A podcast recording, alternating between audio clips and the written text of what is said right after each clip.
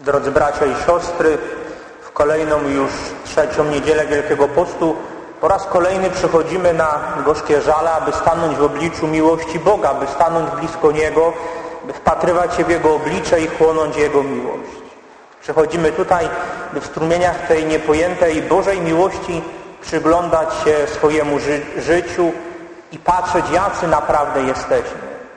Dlaczego to dla nas takie ważne? Bo jeszcze lepiej chcemy zrozumieć słowa Jana Apostoła, że Bóg jest miłością. Moi drodzy, w ubiegłym tygodniu patrzyliśmy na siebie, przypatrywaliśmy sobie, śledząc i patrząc apostoła Piotra, tego, który zawstydził się swojego nauczyciela i mistrza Jezusa z Nazaretu. A dzisiaj, moi drodzy, chcemy przyjrzeć się innej, niezwykle poważnej, czy może tragicznej chorobie ludzkiego serca, która zamyka je na Bożą miłość, która z powodzeniem może zrujnować nasze życie, naszych bliskich, tych, których kochamy, którzy są nam bliscy. Moi drodzy, tę niebezpieczną chorobą, chorobą naszego serca jest zazdrość. Z początku, moi drodzy, nawet trudno podejrzewać siebie, że ten problem może dotyczyć mojej osoby czy mojego serca. Na początku nawet trudno przypuszczać, że sytuacja może być aż tak zła. Wszystko bowiem wydaje się w najlepszym porządku, ale właśnie ten grzech, grzech zazdrości dokonuje w sercu człowieka czasami nieodwracalnych zniszczeń. Bo zazdrość jest tym bardziej niebezpieczna, ponieważ nie ma na nią żadnego skutecznego lekarstwa. Po prostu nie ma.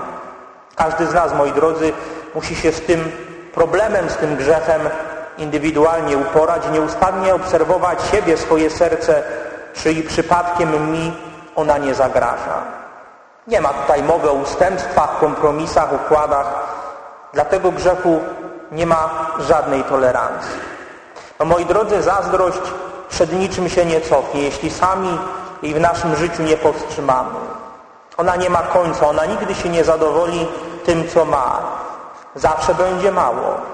Zawsze będą żyli ludzie, którzy będą szczęśliwsi ode mnie, bardziej uśmiechnięci ode mnie. Zawsze będę cierpiał, moi drodzy, bo ktoś będzie miał lepiej. Będę cierpiał, bo ktoś ma ładniej, łatwiej, prościej. Ewangelia Chrystusa jest Ewangelią miłości. Nigdy nie da się kochać drugiego człowieka, jeśli w swoim sercu żywi się czy pielęgnuje zazdrość. To wydaje się, moi drodzy, takie proste, takie łatwe. Może nawet ktoś myśleć, że zawsze jest w stanie nad tym zapanować. Ja i zazdrość to pomyłka, to niemożliwe. Przecież każdemu wybaczam. Przecież wiem, co znaczą słowa, której nauczył Pan Jezus. Odpuść nam nasze winy, jako i my odpuszczamy.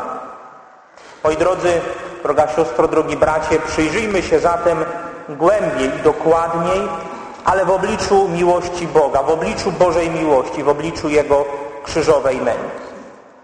Czym jest więc zazdrość? Moi drodzy, myślę sobie, że zazdrość w jakimś sensie to nienawiść drugiego człowieka. Zewnętrznie przejawia się ona tym, że ogarnia mnie smutek, złość z powodu tego, że inny człowiek może być bardziej szczęśliwy. Ale jednocześnie w moim sercu natychmiast pojawia się radość z cudzego nieszczęścia. Każde inne uczucia, najpiękniejsze wartości w człowieku są jakże często, moi drodzy, zagłuszane właśnie przez zazdrość. Bo zazdrość pojawia się w najgłębszym miejscu człowieka, pojawia się w jego sercu. Dlatego tak trudno ją dostrzec, dlatego tak trudno ją leczyć.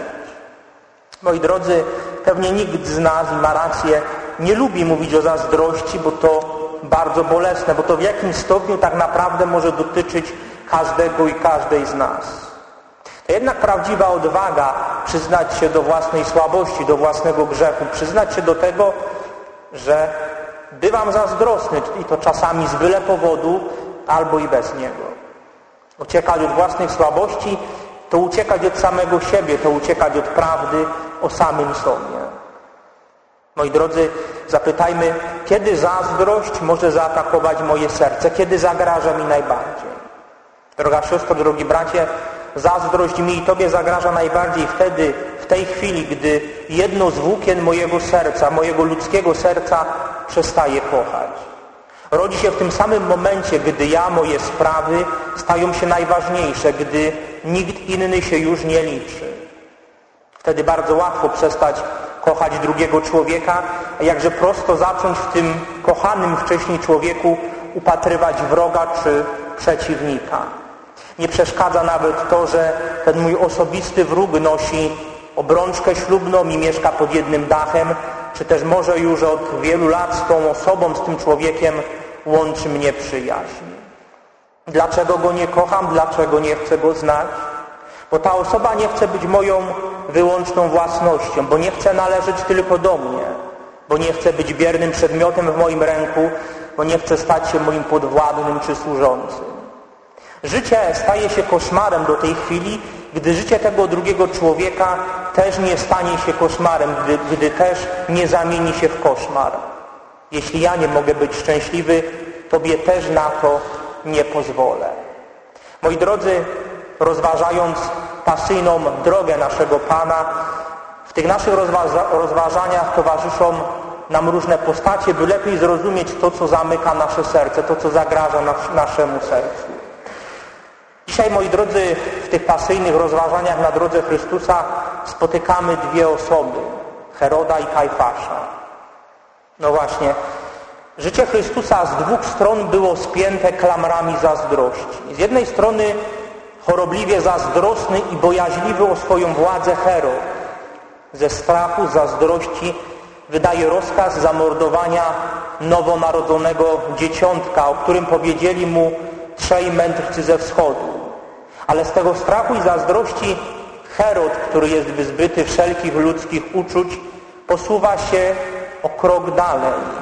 Każe zamordować wszystkie niewinne betlejemskie dzieci w wieku do lat dwóch, by mieć całkowitą pewność, że nic i nikt nie może zagrażać jego władzy. A z drugiej strony, moi drodzy, spotykamy arcykapłana Kajfasza. To on sprawował władzę w imieniu Boga, ale wydawało mu się, że wystarczy tylko sięgnąć, sięgnąć ręką i tego Boga ściągnąć na ziemię, uczynić z Boga swoją własność, swoje narzędzie, że nie trzeba wielkiego trudu, a można zająć Jego miejsce i nikt z Nim, arcykapłanem, nie może się równać, nawet sam Bóg. Droga siostro, drogi bracie, myślał Kajfasz, Kajfasz, że nie może być żadnej osoby, która mogłaby się z nim równać. To on jest najważniejszy, to on jest arcykapłanem. Z nikim się nie liczy nawet z tym, który nosi imię Jezusa z Nazaretu. Nie liczy się z nim nawet, gdy słyszy tłumy Izraelitów, które kilka dni wcześniej wołały Hosanna synowi Dawidowemu, błogosławiony, który przychodzi w imię Pańskie. Dla Kajfasza to nic nie znaczyło. To on, arcykapłan Kajfasz, od tej chwili ustala, kto może być Mesjaszem, a kto nie. To on ustala, kto może być Bogiem, a kto nie może być. I zawsze w ostateczności można każdego zapytać, tak jak zapytał Jezusa, jakim prawem to czynisz. Ale Kajfasz, moi drodzy, bardzo się pomylił. Nie docenił tego, nie chciał zrozumieć, że ma do czynienia z Synem Boga Najwyższego. To tragiczna pomyłka. Nie uznał w swoim życiu Jezusa, nie uznał obiecanego Mesjasza. Jezus dobrze wiedział, moi drodzy, jak należy postępować z ludzką zazdrością. Jego życie, Jego przykład postępowania jest dla nas bardzo czytelny i jasny. Jezus pokazał swoim życiem, że nie należy wdawać się w żadne zbędne dyskusje. Dlatego w czasie przesłuchania u arcykapłana Kajfasza Jezus milczy, nic się nie odzywa. Zdaje sobie sprawę z tego, że i tak to, co powie, będzie wykorzystane przeciwko niemu. W kierunku Chrystusa, moi drodzy, zostaje rzucone pytanie. Nic nie odpowiadasz na to, co oni zeznają przeciwko Tobie? Dlaczego Kajfasz tak zapytał? Przecież dla człowieka, którego serce zaatakowane jest przez zazdrość, nie liczą się inne racje, żadne argumenty poza tymi, które on sam sobie podaje. Ale moi drodzy, człowiek zazdrosny jest także człowiekiem przebiegłym. i zrobi wszystko, by otrzymać nowe argumenty, które będzie mógł wykorzystać na swój własny sposób, według swojej własnej korzyści. Dlatego Kajfasz rozdrażniony milczeniem Jezusa do ostateczności mówi poprzysięgam Cię na Boga żywego, czy Ty jesteś Mesjaszem, Synem Bożym. Ale co miało znaczyć to pytanie? Czy Kajfaszowi chodziło tylko o prawdę? Czy Kajfasz naprawdę chciał się upewnić, że ów skazaniec jest Mesjaszem, Synem Bożym?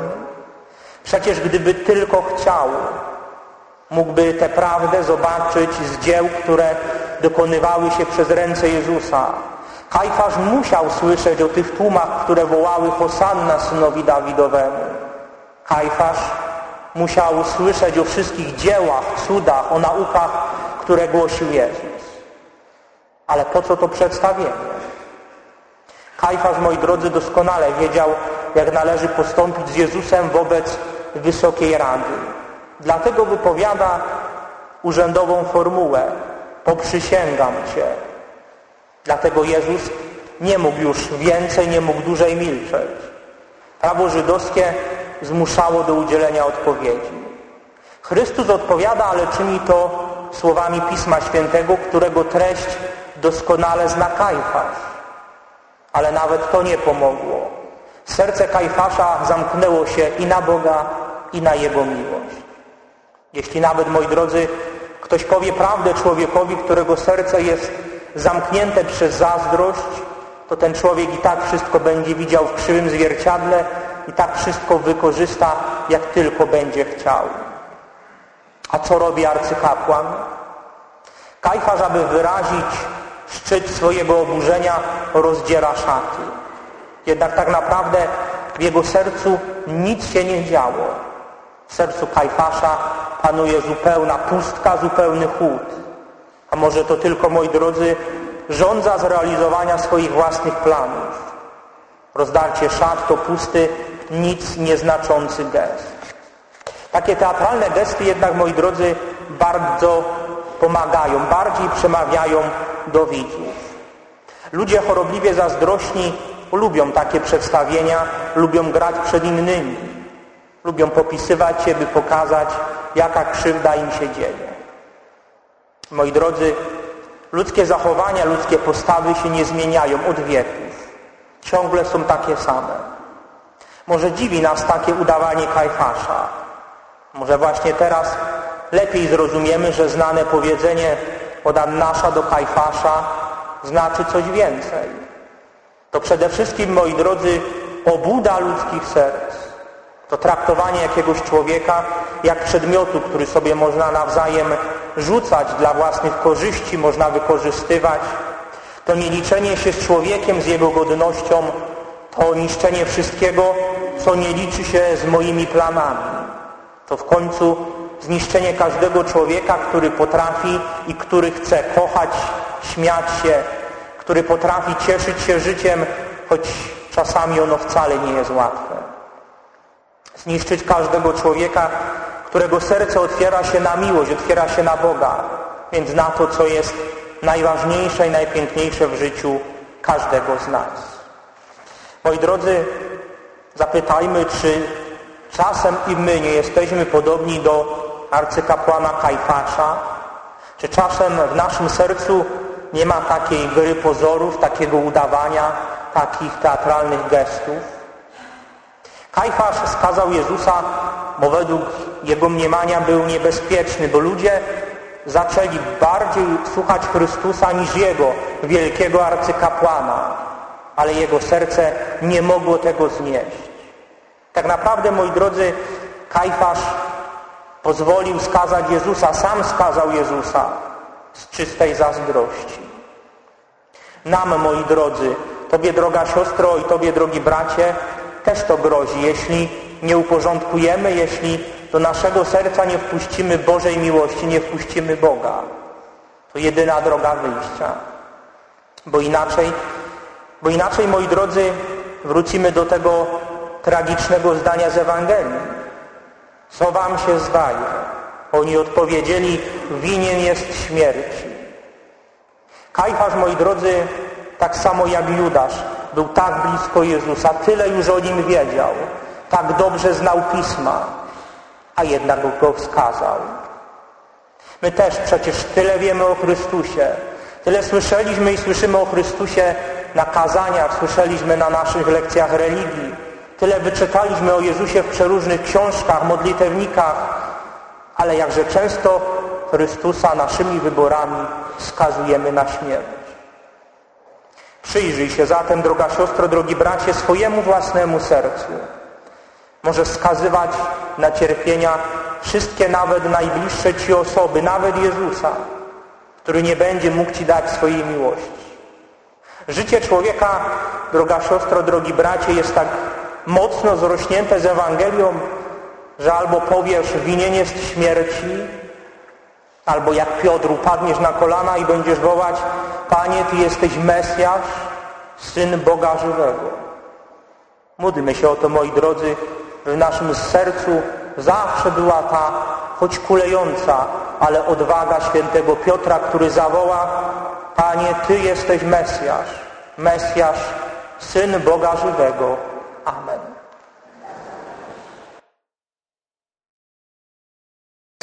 Nie wytrzymały. Ten twardy, ten mocny mężczyzna wyszedł na zewnątrz, jak pisze ewangelista, gorzko zapłakał. Moi drodzy, Piotr tak naprawdę nie stracił wiary, ani jej nie zyskał. Piotr po prostu swoją wiarę musiał zrozumieć. Czy zatem może nas dziwić fakt czy mamy prawo pytać o wybaczenie Piotrowi, że zabrakło go pod krzyżem? Myślę, że nie. Bowiem pod krzyżem, moi drodzy, stanęli ci, którzy wiedzieli, że nowe życie rodzi się zawsze, ale tylko przez śmierć. Pod krzyżem było miejsce dla tych, którzy kochali Jezusa, dla Jego matki, dla umiłowanego ucznia Jana, dla Marii Magdaleny, która także swoje grzeszne życie również oczyściła przez łzy, łzy przebaczenia ofiarowane przez Jezusa. Pod krzyżem było miejsce dla setnika rzymskiego, który zrozumiał, że ten człowiek, ten skazaniec jest naprawdę Synem Bożym. Pod krzyżem, moi drodzy, byli ci, którzy wiedzieli, że jeśli ziarno pszenicy wpadłszy w ziemię nie obumrze, pozostanie samo, lecz jeśli obumrze, przyniesie plon obfity, wyda nowe życie.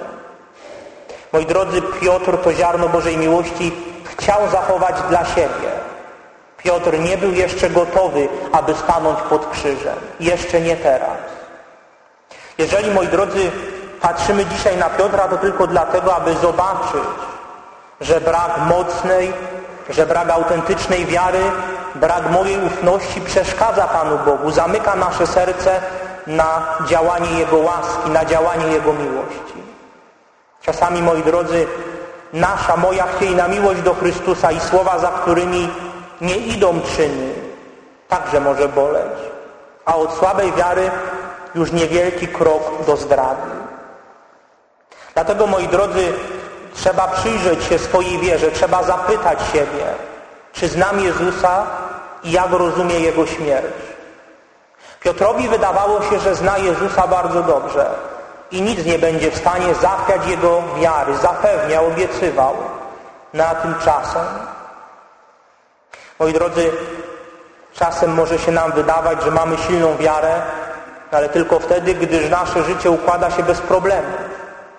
Jeśli, droga siostro, drogi bracie, uważasz, że Twoja wiara jest silna, to dlaczego tak często załamujesz się, gdy przychodzą trudne doświadczenia? Ile razy, moi drodzy, w moim, w naszym życiu pojawił się może wyrzut, że Bóg mnie nie wysłuchał, że nie otrzymałem tego, o co prosiłem i o co się modliłem. A może się modliłem, a nie doświadczyłem Bożej pomocy. Może jednak, moi drodzy, nie doświadczamy tej Bożej pomocy i Bożej łaski w taki sposób, jak chcemy. Piotrowi też wydawało się, że zna Jezusa, ale nie był przygotowany na to, aby przyznać się do tego poniżonego, związanego jak złoczyńca człowieka.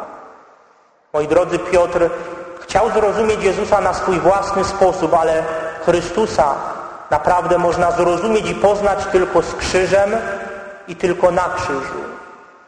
Krzyż bez Chrystusa nigdy nie miałby sensu, a Chrystus bez krzyża nigdy nie mógłby nikogo zbawić. Jezus bez krzyża, moi drodzy, nigdy nie pokazałby, co to znaczy, że nie ma większej miłości, gdy ktoś swoje życie oddaje za przyjaciół swoich. Silnej wiary, droga siostro, drogi bracie, można nauczyć się tylko stojąc pod krzyżem. Moi drodzy, czego uczy nas dzisiaj apostoł Piotr?